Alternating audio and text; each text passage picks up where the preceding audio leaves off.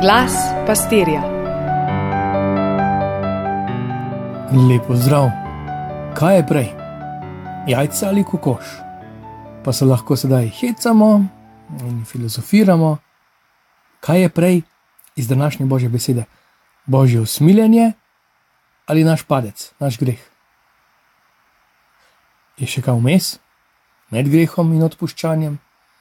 Recimo, vsaj obžalovanje ali pa želja po spreobrnenju. Mogoče tudi to, da popravim storjeno škodo, ali vsaj spravim v pravotno stanje, če ne že v boljše. Tudi tu se lahko gremo v krščanstvo, v nedogled, in komu ne bo všeč, ne duha, ne sluha v krščanstvo. Temu bi rekel krščanski budizem ali krščanski ateizem, ki ima Boga, pa da ne bo pomote, prav lepega, umetelnega, magari zgodovinsko izpričanega Boga, z malo pisano, na prav posebnem mestu. Lahko ga ima na piedestalu, na verižici, lahko ga ponosno pokaže v prelepi katedrali ali v vrsti posajenih crkva in kapelic. In kaj je tu narobe? Janez nas zareže prav mišico, naše želje po spreobrnenju tam, ko jaz želim spreobrnenje, da bom vreden usmiljenega Boga. Oplazi me tam, ko si tako prizadevam, da se ja mora videti, da si prizadevam. Sigurno drugi opazijo, tisti tam zadaj, pa ob strani, pa tisti, ki jih ni, da vidijo, da sem kljub vsemu pobožen in dober, da se trudim, vsaj malo bolj kot uh, večina. Podobnost s farizejem in cestninarjem iz pretekle nedelje je zgolj in samo na ključna. Tako kot eh, na ključno vsako jutro vzide sonce in se jaz vedno znova vznemirim, ko mi ta in ta kaj reče. In ja, tu se skriva odgovor.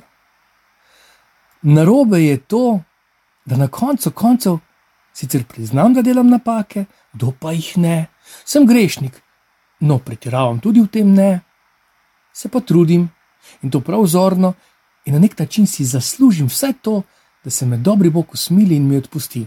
Ja, znova in vedno znova. Ker sem le fant od fare, tako pravi.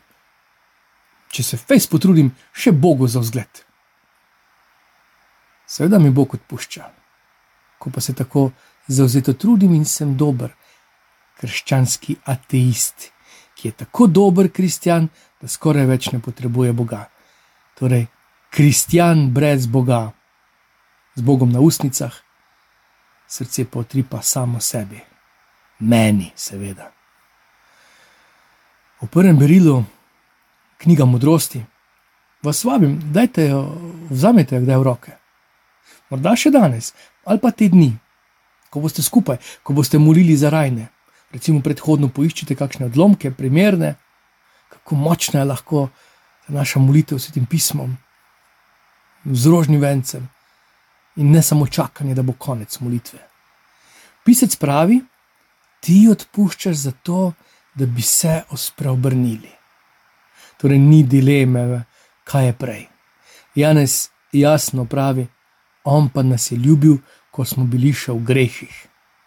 Ne da bi več ne bili v grehih, ne ker se trudijo, da bi ne bili v grehih, in ne ker jim je uspelo, da niso več v grehih. Nadaljuje, ljubiš vse. Nič, kar si ustvaril, ti ni zoprno. On se ne naveliča, ne zavrži nas kot otrok svoje igrače. Pisec Boga celo imenuje ljubitelj življenja. Tu mi prihaja v spredje praznovanje, ki je pred nami.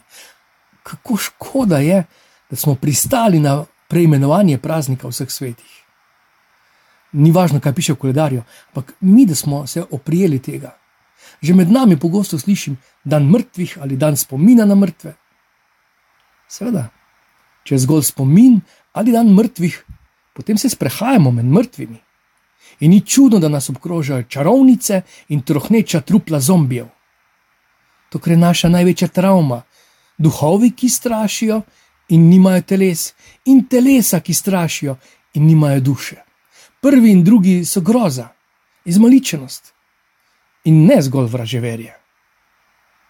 On pa je ljubitelj življenja. V Mojzesovi knjigi beremo: Življenje je ljubeči Bog. Zato izreči praznik vseh svetih. Svetnikov se ne bojimo, pa so šli skozi smrt, ampak so živi. Vse tako kot mi, še mnogo bolj, ker so šli skozi vakum smrti, skozi lakoto, ki srka vse, kar je živega. Vsaka smrt je namreč veliki petek. No, ampak na ta praznik praznujemo res dotik smrti, ki ga tudi skozi okušamo. Bodi si, ko prebiramo tragične novice, ali ko nas kdo zmerja, ali ko mi komu slabo želimo. Toliko obrazov smrti. To, da smrt je použita v njegovi zmagi, zato ker smo ljubljeni od njega, ki je ljubitelj življenja. In to je najprej. Dojenček je najprej ljubljen in si ne prislužite ljubezni, ne z lepim nagovorom ali nasmeškom ali podrtim kupčkom. Preprosto je ljubljen. In če mi, ki smo hodobni, tako Jezus, zmoremo ljubiti svoje, koliko bolj nebeški oče, ljubi vse, kar je ustvaril. Nas, kot krono, pa tudi vse stvarstvo.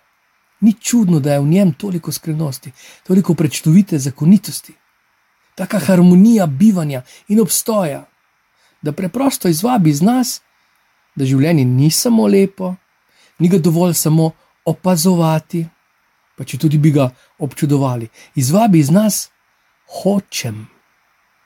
To kliče psalmist, hočem te poveličevati. Pravi vsak dan, torej danes, jutri, do konca dni, veko veke. Me ne zanima, ali imam čas, vsak dan. Ja, pa sem bolan, me ne zanima, hočem te poveličevati. Pa sem gneči, pa v gužvi, pa zaljubljen, pa jezen, pa brez denarja, pa brez pameti. Gospod, hočem te poveličevati. In Gospod bo izpolnil vaše krepenje, Pavel, drugem brilu. Tako močno, da nas nič ne bo vznemirjalo.